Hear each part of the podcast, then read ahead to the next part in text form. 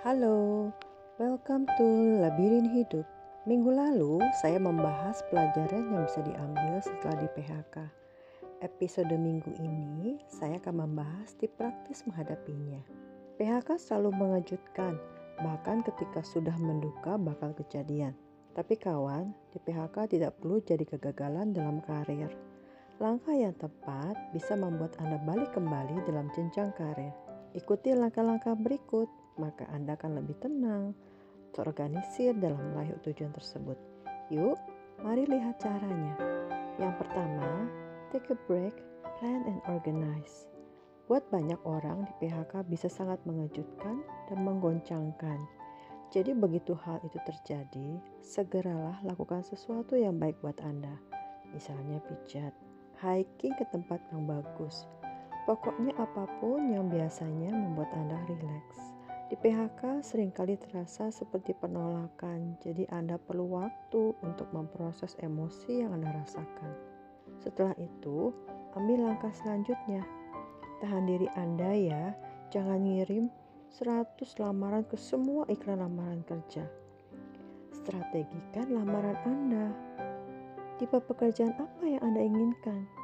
Apa alasannya? Rekruter selalu bertanya mengapa Anda melamar posisi ini. Jadi Anda perlu menyiapkan lebih dahulu jawaban Anda. Apa Anda punya kenalan yang bisa mengenalkan Anda dengan perusahaan yang sedang beriklan? Adakah seseorang dari pekerjaan lama Anda yang bisa memberikan testimoni atas diri Anda? Mintakan mereka menulis di akun LinkedIn Anda. Carilah industri yang paling dapat bertahan dalam kesulitan ekonomi, misalnya medical, perbelanjaan sehari-hari, logistik and transportation. Yang kedua, siapkan semua dokumen. Semua dokumen yang Anda perlukan untuk bekerja kembali.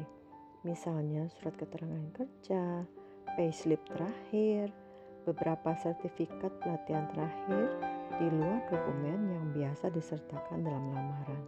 Pastikan dokumen tersebut di resize ya, supaya attachment Anda tidak terlalu besar. Yang ketiga, perbaiki CV Anda. Apa pun pilihan karir Anda selanjutnya, update CV Anda. Ada beberapa situs resume builder yang bisa membantu Anda menulis CV dengan baik. Tuliskan keahlian, pengalaman, dan prestasi kerja Anda. Prestasi Anda harus ditulis dalam bentuk data dan angka. Ini cara Anda menampilkan diri pada perusahaan baru. Oh iya, jangan ngecap ya sebab Anda pasti harus memberi penjelasan ketika diwawancara. Yang keempat, buat cover letter. Seringkali pelamar hanya mengirimkan CV saat melamar pekerjaan.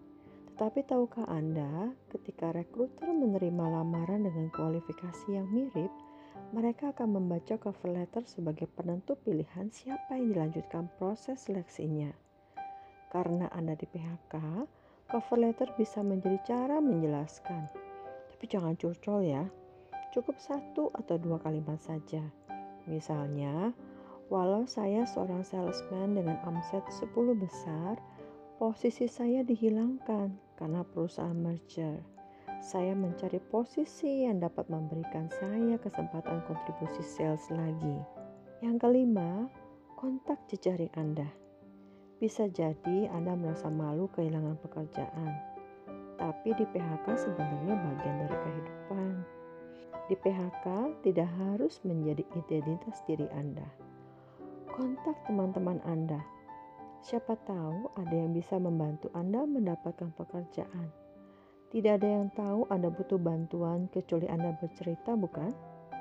Yang keenam, siapkan alasan Anda mencari pekerjaan. Anda perlu menceritakan mengapa Anda mencari pekerjaan, baik kepada teman, kolega, kontak sosial, dan rekruter. Buatlah sesingkat mungkin dan infokan apa yang mem-PHK Anda. Buatlah sesingkat mungkin dan ceritakan fakta singkatnya. Tidak perlu berpanjang lebar. Tutup penjelasan Anda dengan semangat baru. 7. Gunakan waktu dengan bijaksana bisa jadi Anda susah rileks setelah di PHK. Anda cemas, stres, apalagi jika keuangan mesti diperketat. Tapi kalau Anda stres, Anda tidak akan dapat keluar dari tekanannya. Nikmati waktu yang ada dengan belajar hal baru, kursus online, menjaga kesehatan lewat olahraga rutin. Anda harus positif dan produktif selama masa ini, supaya aura itu tampil saat Anda diwawancara. Siapa sih yang mau merekrut pelamar yang lesu, lusuh, dan tidak bersemangat?